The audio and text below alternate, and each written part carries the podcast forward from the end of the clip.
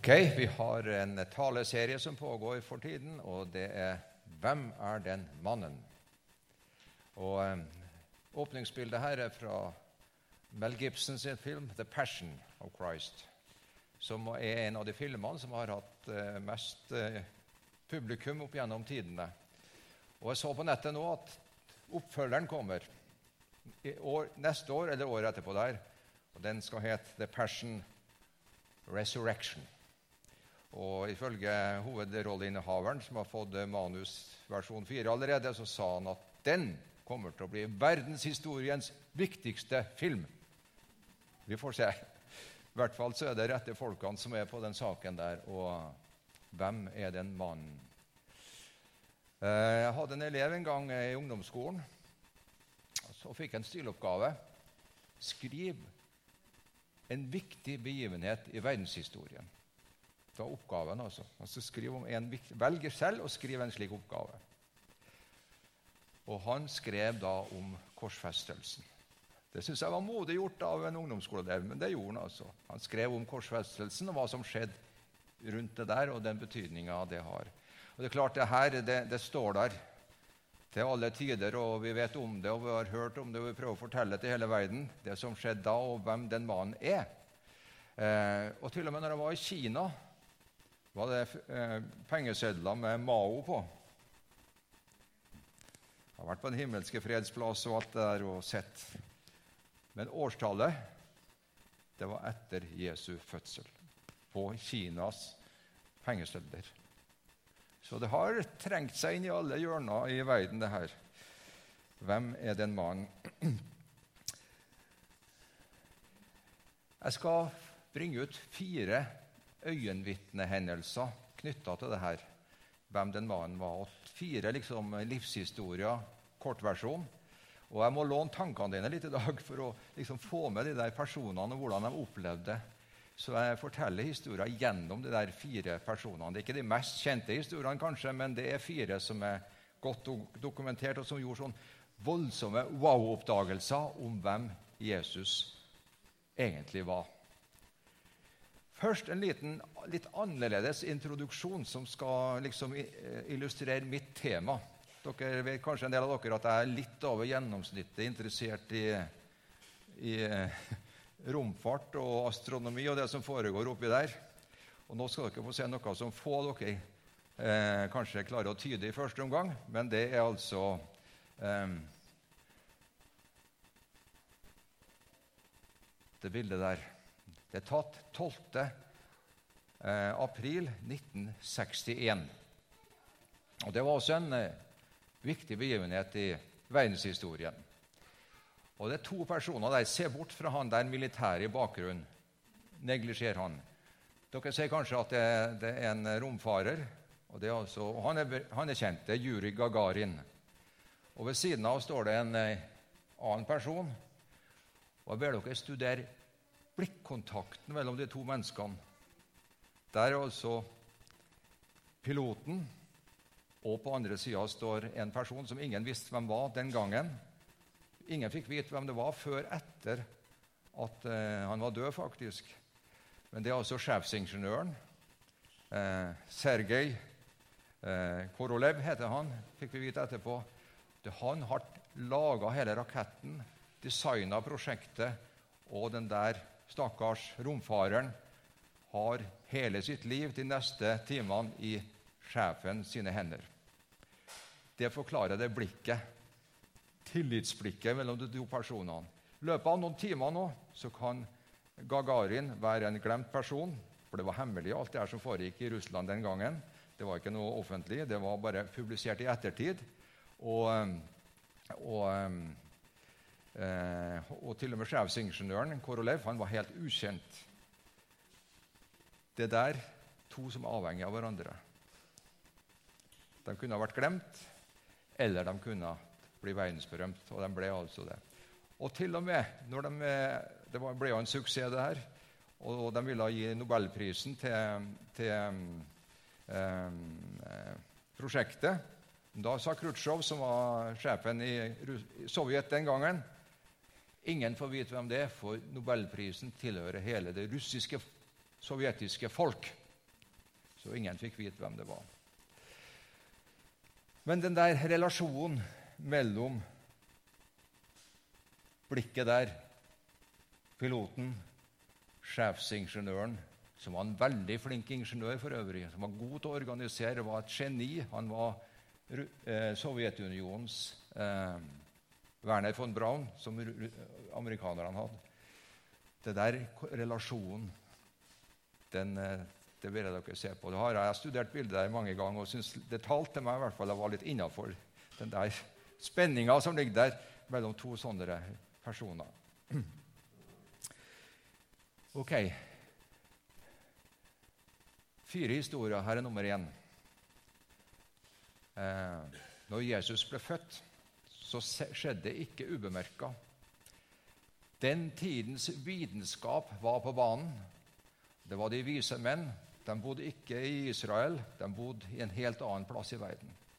Og De hadde også noen eh, analyser og beregninger av noe som skulle skje oppe i stjernehimmelen. Det var nemlig to planeter sannsynligvis som møttes, Jupiter og Saturn. Og Jupiter er kongestjerna, Saturn det er jødestjerna.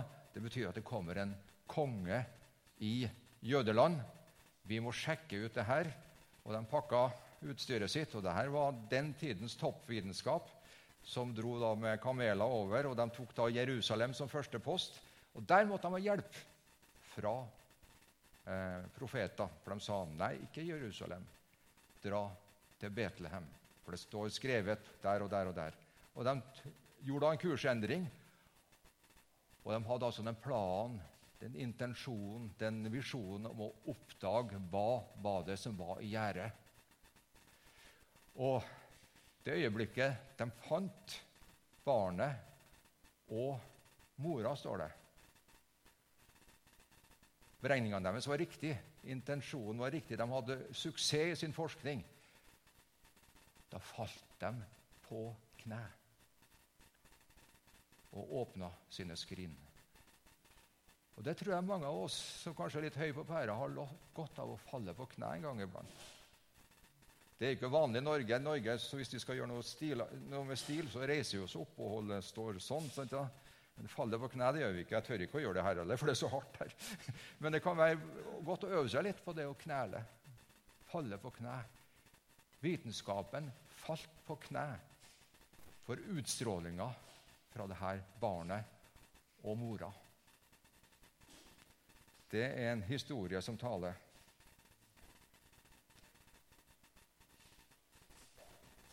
Utstrålinga var så sterk at det var ikke noe alternativ. Mannen, barnet, til og med talt til vitenskapen og tok innersvingen på dem. på en måte. Neste historie. Da er vi allerede på slutten av livet til Jesus. To røvere hang på korset sammen med han. To kriminelle. Og det står i to av evangeliene begge to spotta. står det. Og hele gjengen rundt korset spotta, for det er han som har sagt at han var Guds sønn. Så plutselig var han helt avvæpna. Han hang der på et kors. Og var liksom det totale fiaskoet var rett rundt hjørnet her. Bare se en død nå, så var, var det eh, timeout på hele saken. Og de var, var, var i det moduset, hele gjengen, inklusive begge de to røverne i begynnelsen. Men i ett av evangeliene, nemlig Lukas, så står det at han, den ene av dem, han ba om at Jesus skulle huske på seg. Hvordan kan det her henge sammen? Det ser ut som en motsigelse i Bibelen. Sånn, ja. Spotta, og så da en som kom på rettplassen.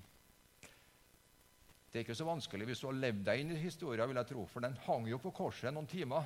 Det kan skje mye på noen timer.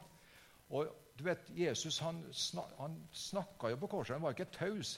Han begynte, Når de spotta, så, så, så hadde han følgende bønn. Far, far, tilgi det her folkene, for de vet ikke hva de gjør. Det er klart, Det hørte han der øveren, at, de, at han ba sånn. Og at han bekjente Guds ord i de situasjonene. Han var et godt menneske.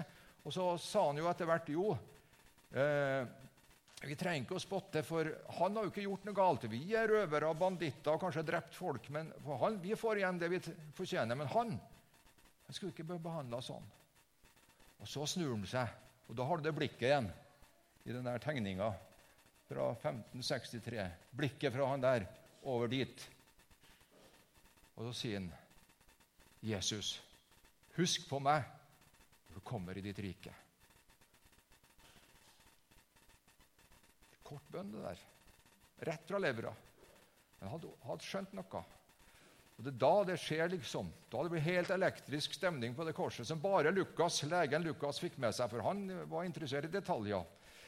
Og intervjua mange sikkert om det her, og fikk med seg detaljene som andre gikk glipp av. Sluttdetaljen fikk han med seg da Jesus sier det der som liksom avvæpner alt av motforestillinger. Sannelig, sannelig, jeg sier deg, i dag skal du være med meg i paradis. Han havna rett i paradis sammen med Jesus. Du skal være med i paradis. I, vi bodde i Hamar under olympiaden i 94. Og Der var det masse folk som kom fra forskjellige verdensdeler, bl.a. en del eh, motorsykkelkjørere fra USA eller noe sånt tøffe, breiskuldra gutter med lærjakker og hjelm og alt sånt. Og bakpå en av dem sto det følgende, og det slo meg nesten i bakken The first man in paradise was a criminal. stod det.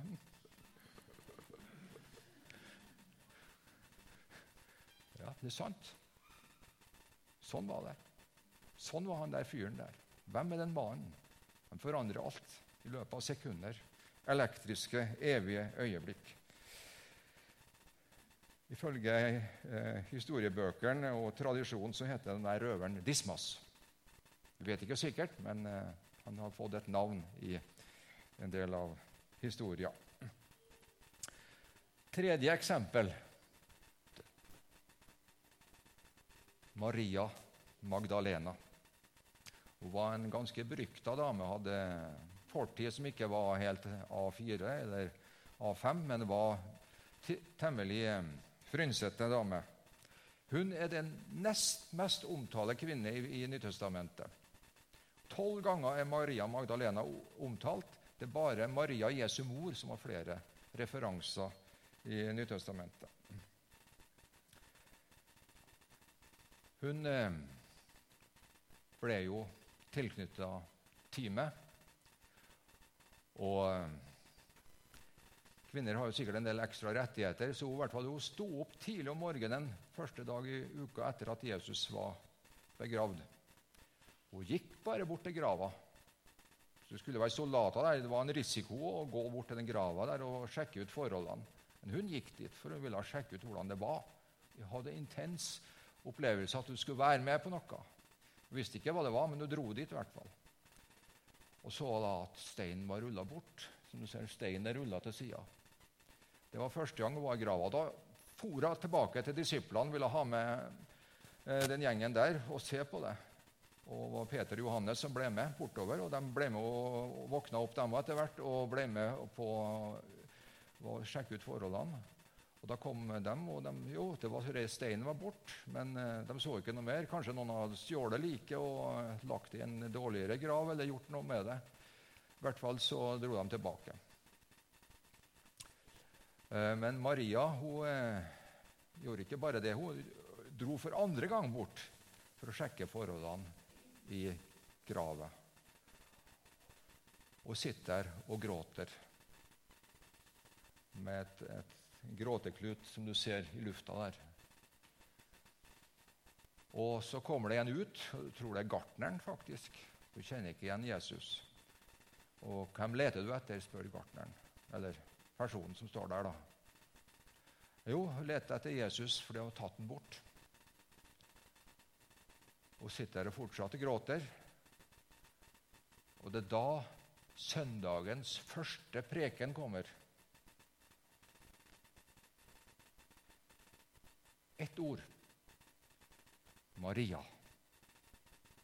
Og da skjønner hun, I det sekundet skjønner hun at det er jo Jesus. Han er jo opp. Han er tilbake igjen. Han har kommet fra paradiset ned til oss for å være sammen med oss og gi oss Den hellige ånd og ta oss med hele gjengen inn i det nye paradiset. Den, den korte søndagspreken må ha gått gjennom marg og bein på den kjære Maria Magdalena. For hun rente jo tilbake til disiplene igjen. Og Maria Magdalena er fra gammelt av kalt apostlenes apostel. Her er det ikke snakk om kvinnediskriminering. Her er altså den apostel for apostlene. To ganger måtte hun få dem med seg opp. Og da fikk også Johannes og Peter oppleve at Jesus var stått opp igjen. Så apostlenes apostel gjorde den jobben. Fantastisk person. Du ser det øyeblikket i tegninga der. Gråten har stoppa, og hun har fått sagt sitt navn, og det er i lufta, det hele. Gråten og sorgen. Maria Magdalena. Siste eksempelet en som heter Thomas. Han var den mest nøkterne av alle de disiplene. Han var avkjølt. Ja, nordlending, kanskje. Jeg vet ikke. I hvert fall ikke sånn fyr og flamme og heiv seg på alle, alle bølger. Sånn. Han var, var kjølig og nøktern og rolig person. Og han hadde sagt jeg tror ikke på den oppstandelsen. Han har gått for hardt ut, Jesus. Nå er han død, ferdig, og vi må bare komme oss videre i livet. Jeg vil ikke tro det, selv om Maria Magdalena har vært og prata til ham sikkert, og til Peter og Johannes, og, men Thomas var borte. Det der går jeg ikke på. Og han sagt, ikke før jeg får sette fingeren i hullet på nagla hender og legge hånda inn i sverdet gikk inn i kroppen på han. Ikke for det, vil jeg tro. Og Så er det da en uke etterpå så er disiplene samla. De har låst døra, for de er ganske nervøse, for det kan jo skje litt av hvert her. Og Da er det Jesus, og da er Thomas med. Og da er det altså at Jesus dukker opp midt i forsamlinga der og sier, 'Thomas, Thomas, kom, kom, kom med fingeren din.' Og Det er det bildet da, av den der hendelsen. Og stikk handa inn i der sverda sverdet har gått. Kom, Thomas. Og der ser du liksom Han går inn i kroppens detaljer og ser Det er sant, mannen der var virkelig Gud. Og Da bekjenner han som den første i verdenshistoria visstnok følgende setning Min Herre og min Gud. Altså Det sier 'min' Herre Kyrios, altså Herre sjefen, og min Gud. Det var den første som bekjente det med den eh, detalj, detaljeringa og den identifiseringa med Jesus som, som hans herre. Jeg har personlig vært der eh, man tror at uh, Thomas ble begravd. For han, ble jo misjonær og dro ut i hele, ja, han dro til India. Um, og Det var en plass der det var bygd ei kirke. da, og Der måtte gå ned for kom ned der. og Det var noen detaljer visstnok fra korset og fra Thomas. Det er noen beinrester visstnok de hadde tatt vare på. Jeg sjekka ikke det, altså, men jeg så noe på det. Men eh, der hang det der bildet. Svært sånt bilde av Thomas. Det er malt i 1601. Min Herre og min Gud.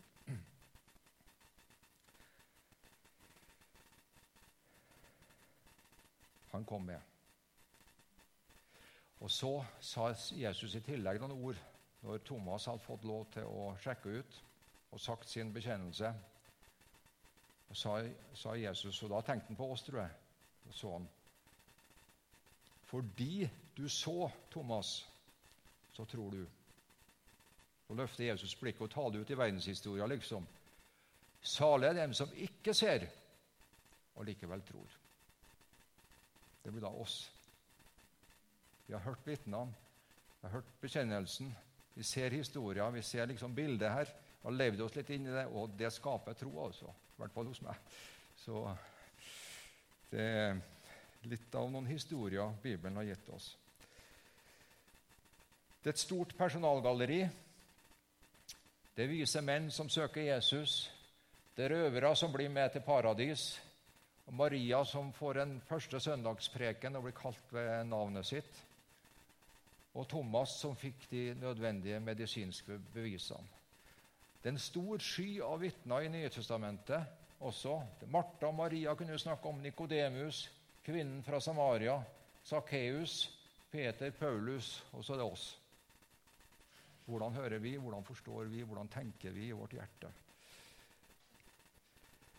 Ehm, det er da responsen fra oss. Hører du også dette budskapet? liksom? Taler det også ved Den hellige ånd til oss? Har du behov for kontakt i ditt hjerte, må du på kne for Han for å liksom få tak i dybden, essensen, eh, det elektriske krafta som utstråler fra det guddommelige. For Han er den som husker hver av oss med navn.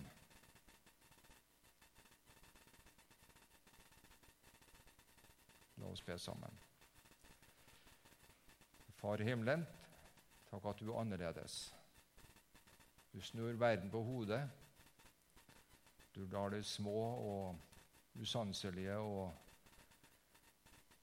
røvere til og med, og oss også, få komme inn i ditt rike. Takk at vi har, har ingen unnskyldninger å komme med. Vi har bare gode eksempler å identifisere oss med. Og vi ønsker å være på samme måte som dem og bli tiltalt og redda og si ja til deg og fjerne oss fra vår egen egoisme og fode sammen med deg inn i, på veien til ditt rike.